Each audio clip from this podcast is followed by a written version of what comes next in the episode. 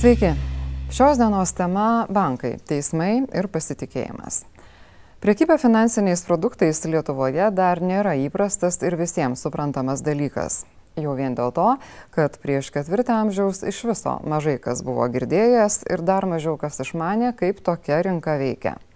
Neką daugiau išmanė ir prieš dešimt metų, dar prieš krizę kuomet rinka buvo pilna laisvų pinigų, o DNB Nordbankas pardavinėjo su akcijų rinka susijęs obligacijas SASO. Ar banko veikla su šiuo produktu prisidėjo prie sažiningos ir profesionalios investicijų kultūros formavimo? Per penkerius metus banko siūlyta investavimo strategija įsigyti akcijų banko skolintomis lėšomis pasinaudojo beveik pusseptinto šimto žmonių. Su akcijomis susijėtos obligacijos laikomos sudėtinga finansinė priemonė, bet pagal riziką priskiriamos prie vidutinio rizikingumo, nes kuo klientas rizikuoja, prarasti investuojamos sumos palūkanas. Tačiau mes kalbame apie su akcijomis susijęs obligacijas už skolintas lėšas, kas reiškia, kad nesėkmės atveju klientas gali prarasti viską, ką investavo o skolindavo bankas iki keturių kartų daugiau negu klientas įkeisdavo turto. Kodėl apie tai kalbame šiandien?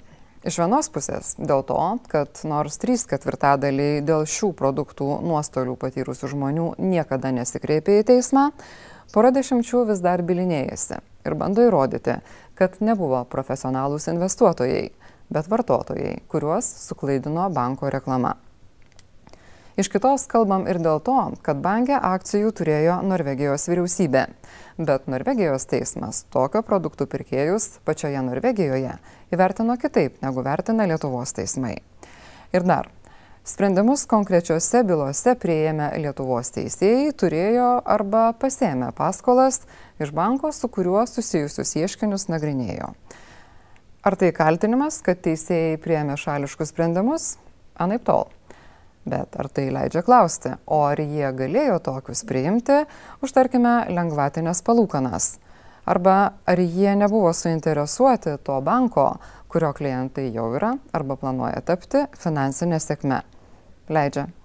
Visiems būtų geriau, jeigu paskolomis su banku susiję teisėjai nusišalintų nuo tokių bylų patys, nelaukdami, kol tą padarys ieškovas.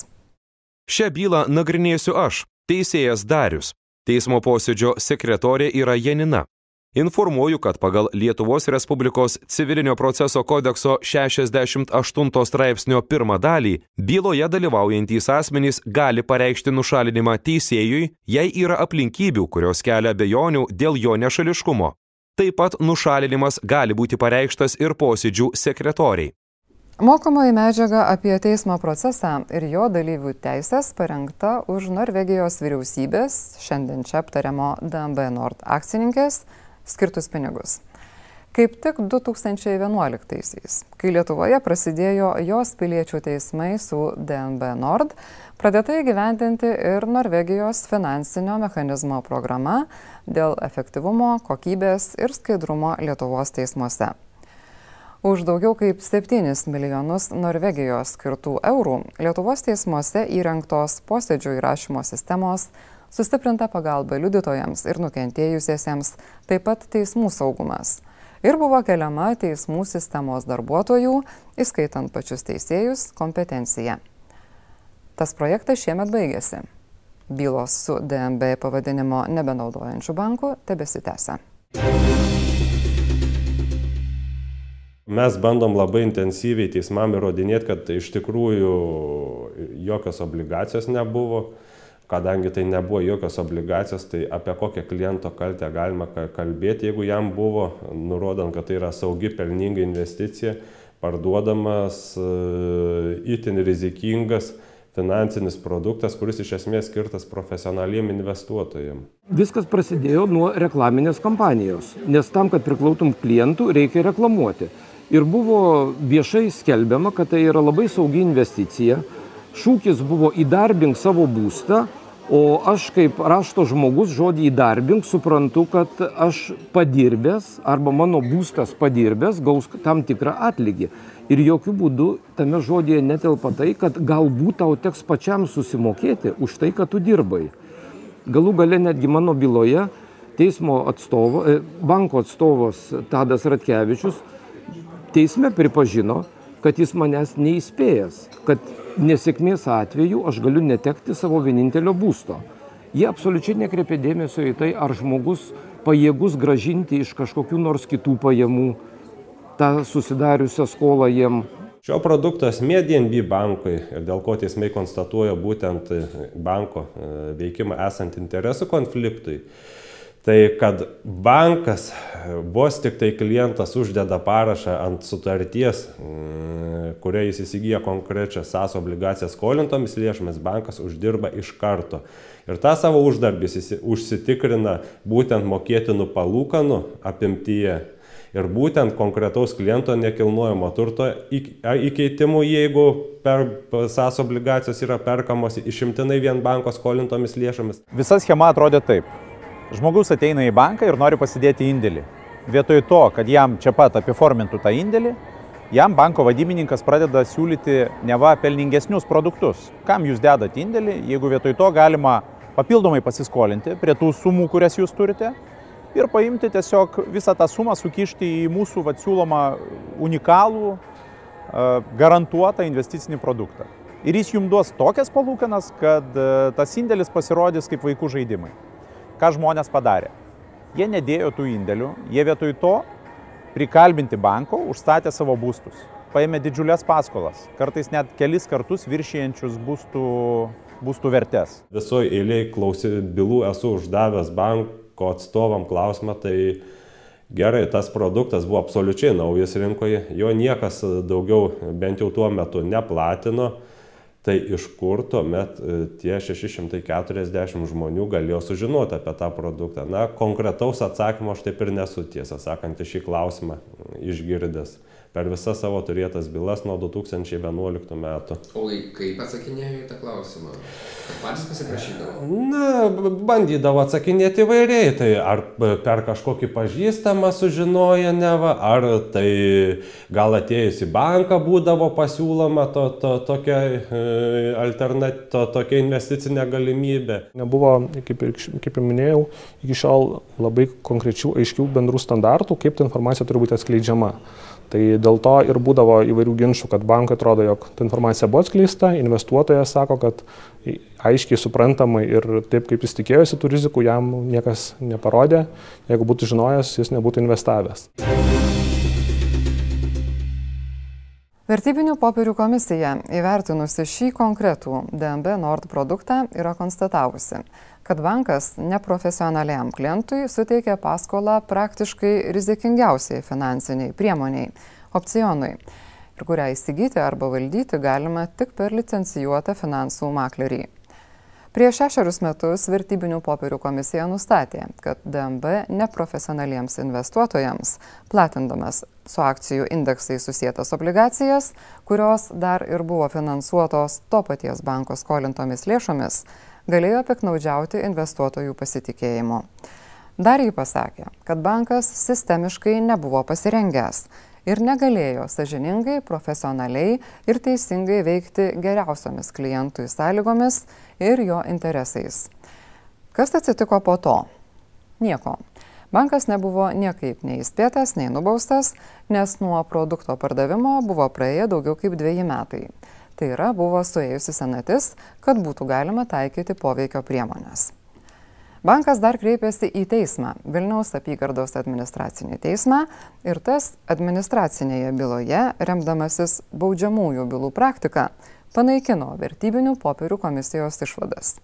Lygiai tas, kurios sakė, kad komisija laiko banką kaltu dėl pažeidimų. Nes paklausykite, Komisija negalėjo pateikti išvadų, argumentų ar samprotavimų, kad laiko banką kaltu dėl padarytų pažeidimų. Komisija, kuri buvo sukurta tam, kad prižiūrėtų, ar finansų rinkos dalyviai nedaro pažeidimų, teismo manimu negali pasakyti, kad tie juos daro. Tuo tarpu Norvegijos teismas DMB suklaidintam klientui neliepė dalintis atsakomybę su banku. Jis taip pat pasakė, kad čia negalima taikyti senaties nes kliento nuostolis ir kodėl jis jį patyrė, paaiškėjo tik po to, kai sutartis baigėsi. Norvegijoje elektriko Ivaro Pieterio Riogeno atvejis tapo precedentu santykių su banku besiaiškinant kitiems klientams, kurie irgi buvo suklaidinti ir dėl to patyrė nuostolių. Lietuvoje jie bilinėjasi po vieną arba grupėmis, tačiau čia palankiau vertinama banko pozicija, kad jo pardavinėjamas produktas buvęs kitoks negu Norvegijoje, o klientai negalėjo nesuprasti, koks jis yra. Taip maždaug bankas visos informacijos gal ir nesuteikė, tai trupučiuką kaltas, bet nuostolius kartu tegu dalinasi klientai. Lietuvos teismų praktika, tą Norvegijos teismų praktiką atmeta e, iš principo, nurodant, kad e, teisinis reglamentavimas, kitas produktai kiti ir žodžiu, ta Norvegijos teismų praktika iš esmės mano žiniom nei vienoje byloje taip ir nėra pasivadovauta, bent jau įsiteisėjusiu teismo sprendimu. O produktai iš tiesų buvo kiti? E, mūsų banko nuomonė taip, mūsų nuomonė ne. Tai dėl to ir kyla byloje ginčas ir panašu, kad bankui visgi pavyko teismam įrodyti, kad Norvegijoje jie platino kažkokį kitokį produktą, nors pagal mūsų duomenis tas produktas buvo tas pats. Mes vertinam šitos e, teismų, teismų tokius sprendimus kaip e, na, labai keistus. Europoje jų niekas nesupranta. Kai išgirsta mūsų teismų šitą tokią logiką, ar ne, kad pusė pusė, tai visi stebisi, todėl kad daugelį kitų šalių yra klientai pilnai kompensuojami. Kas mane labai stebina, tai ne tik, kad yra Norvegijos teismų praktika, yra ir ES teisingumo teismo suformuota praktika precedentinėse bylose, kaip tokie atvejai turėtų būti sprendžiami. Tai ES teisingumo teismas, pažiūrėjau, tokioje labai garso precedentinė įmo finansą G byloj, kurios aplinkybės iš esmės labai panašios į šią bylą aiškiai, išaiškiai išaiškino, kad tinkamas sprendimas yra, pažiūrėjau, sutarties pripažinimas negaliojančia atgalinė tvarka ir visų pinigų nukentėjusiam investuotojui gražinimas. Ir dar ES teisingumo teismas yra išaiškinęs, kad tokio, tai tokio teisinio reglamentavimo, pagal kurį mm, yra saugomi investuotojai nuo ne, rizikos jiem neatskleidimo, nuo melagingos informacijos atskleidimo yra tikslas ne tik garantuoti investuotojų apsaugą, bet ir nubausti emitentą, kuris tokius veiksmus daro. Tai mūsų manimų e, DNB bankas už savo padarytus pažeidimus nėra baudžiamas adekvačiai, yra baudžiami klientai. Lietuvos teismų kol kas smarkiai nedomina nei ES teisingumo teismo praktika, nei galimybė patiems į jį kreiptis jau dėl konkrečių lietuviškųjų DMB bylų. Užtat tas Europos teisingumo teismas Luksemburgė turi visus šansus praplėsti savo praktiką lietuvišką patirtimį. Paminate anksčiau minėtą teismo sprendimą administracinėje byloje, kurį jis priėmė remdamasis baudžiamąją teisę ir kuriame pasakė, kad finansų rinkai prižiūrėti sukurta vertybinių popierių komisija negalėjo pasakyti, kad bankas kaltas dėl to, kad padarė pažeidimų. Gerai. Teisėjas kaip tik iš tos bylos. Irmantas Jarukaitis, atrodo rašęs nutartį, dabar minimas kaip Lietuvos kandidatas į Europos teisingumo teismą. Tačiau šis teisėjas, bent jau tuo metu, kai prieėmė palankų bankų įsprendimą, neturėjo iš jo paskolos. Kitaip negu kai kurie kiti su DMB obligacijų užskolintas lėšas atvejus nagrinėja teisėjai. Teisėjų etikos kodeksas sako, kad teisėjas turi nusišalinti nuo bylos nagrinėjimo, jeigu turima informacijos, jog privataus pobūdžio aplinkybės gali pakengti bylos nagrinėjimai ir ginti teisėjų nepriklausomumo įvaizdį visuomenėje. Ir kažin ar jau čia taip visai korektiška lyginti viešą apsipirkimą vienodų visiems kainų parduotuvėje su konfidencialiu paskolos sąlygų derinimu banke. Toks paaiškinimas nestiprina teisėjo įvaizdžio ir tuo geruoju atveju, jei paskolos sąlygos buvo visiškai standartinės. Matot, aš tą paskolą buvau paėmęs ir anksčiau, dar prieš tą bylą. Mhm. Aš po, po to pardavėm būtą tą paskolą gražinau ir paėmiau naują paskolą, nu, kiek trūko mums. Mhm. Tam tai aš nežinau, čia dėl etikos, suprasti, kaip čia nesu. Aš tiesiog. Nu, kad ne, ne, ne, ne, Nežinau, kad aš man net negalvoju, tas, kad bankas šitas pats ar tas pats, nu, kad koks skirtumas, koks bankas nagrinėja bylą, taigi nežiūri banko pavadinimą iš esmės. Uh -huh. tai, tai nu, nežinau, man dabar aš net, net nepagalvojau apie tai, kad čia būtų kažkoks, ar kad, sakot, nusišalinti reikėtų nuo tokių bylų? Aš nežinau, ar, aš nežinau, ar, žinot, aš taigi nesu nei kažkokia ekspertė, nei, nei sprendimė. Ne, ne, nu tai aš sakau, tai aš bandau galvoti, kokia čia tada būtų Nu nežinau, sakau, man kažkaip ne, nesukėlė, nes, nu, aš sakau, tą paskolą turiu tikrai seniai, su, su, tai tada visų bylų negalėčiau nagrinėti su DMB, nu kažkaip nežinau, ar čia, ar čia taip turėtų būti.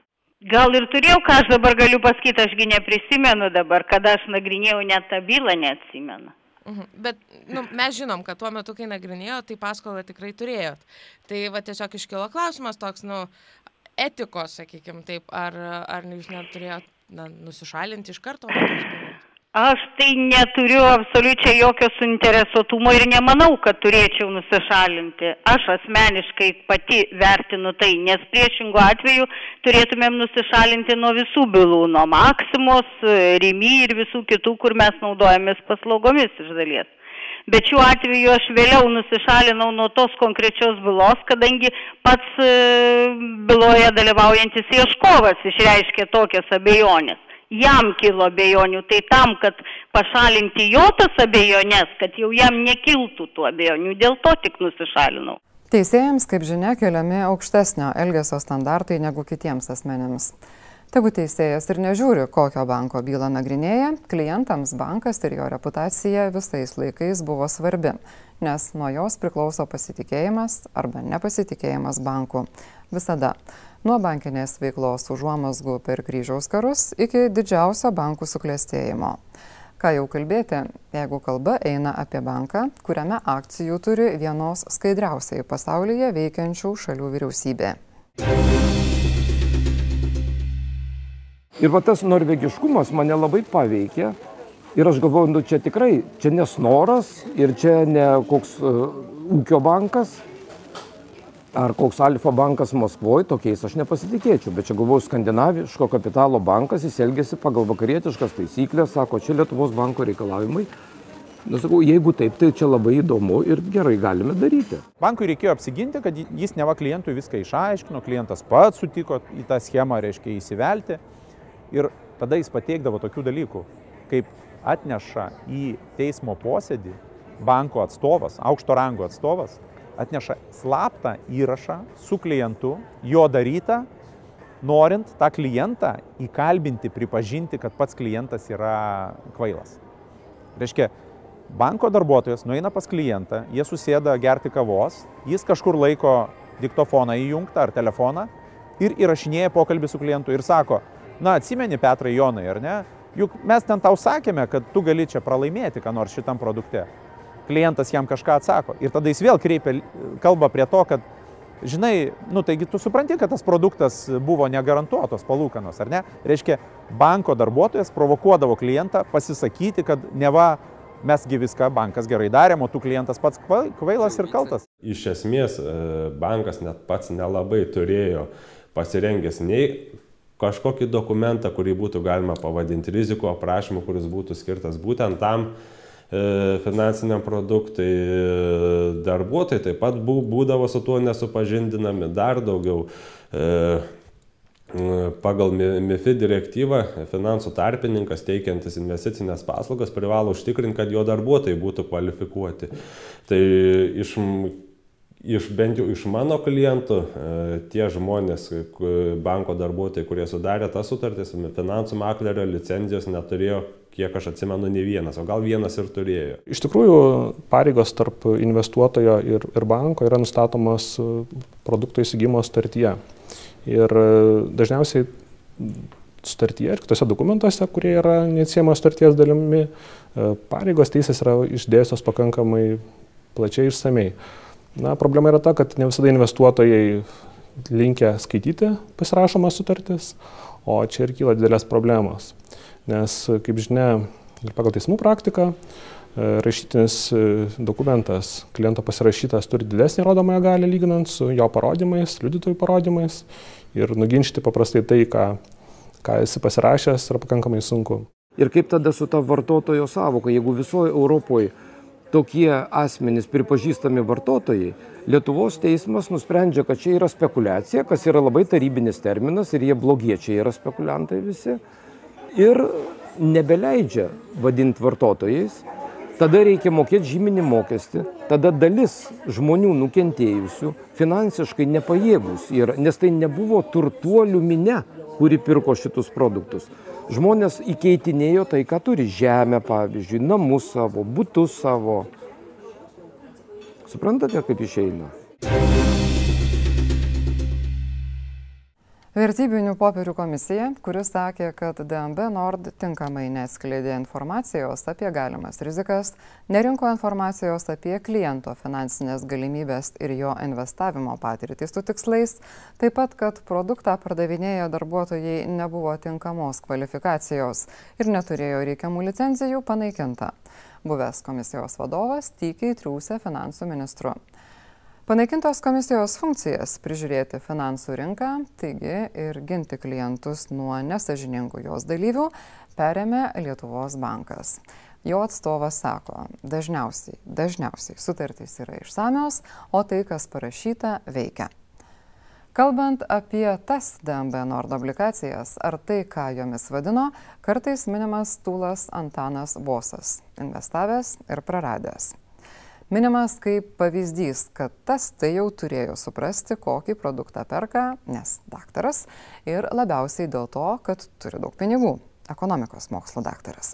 Na, turės mažiau, kodus, taip jam reikia. Kiekvieno valia laikyti bosą protingų ir neapgaunamu ar ne, bet jei kartais visiškai niekam netaikau. Jums pilvą prapjaus daktaras, kurio licencija, kaip vėliau paaiškės, buvo netokia, kokios reikia pilvų pjaustimai, arba ligoninėje nepasakė, kad licencijos iš vis nebuvo, neieškokite kaltų. Jeigu prieš tai pasirašėte, kad su tokiu pjaustytoju pats susitarėte. Iki.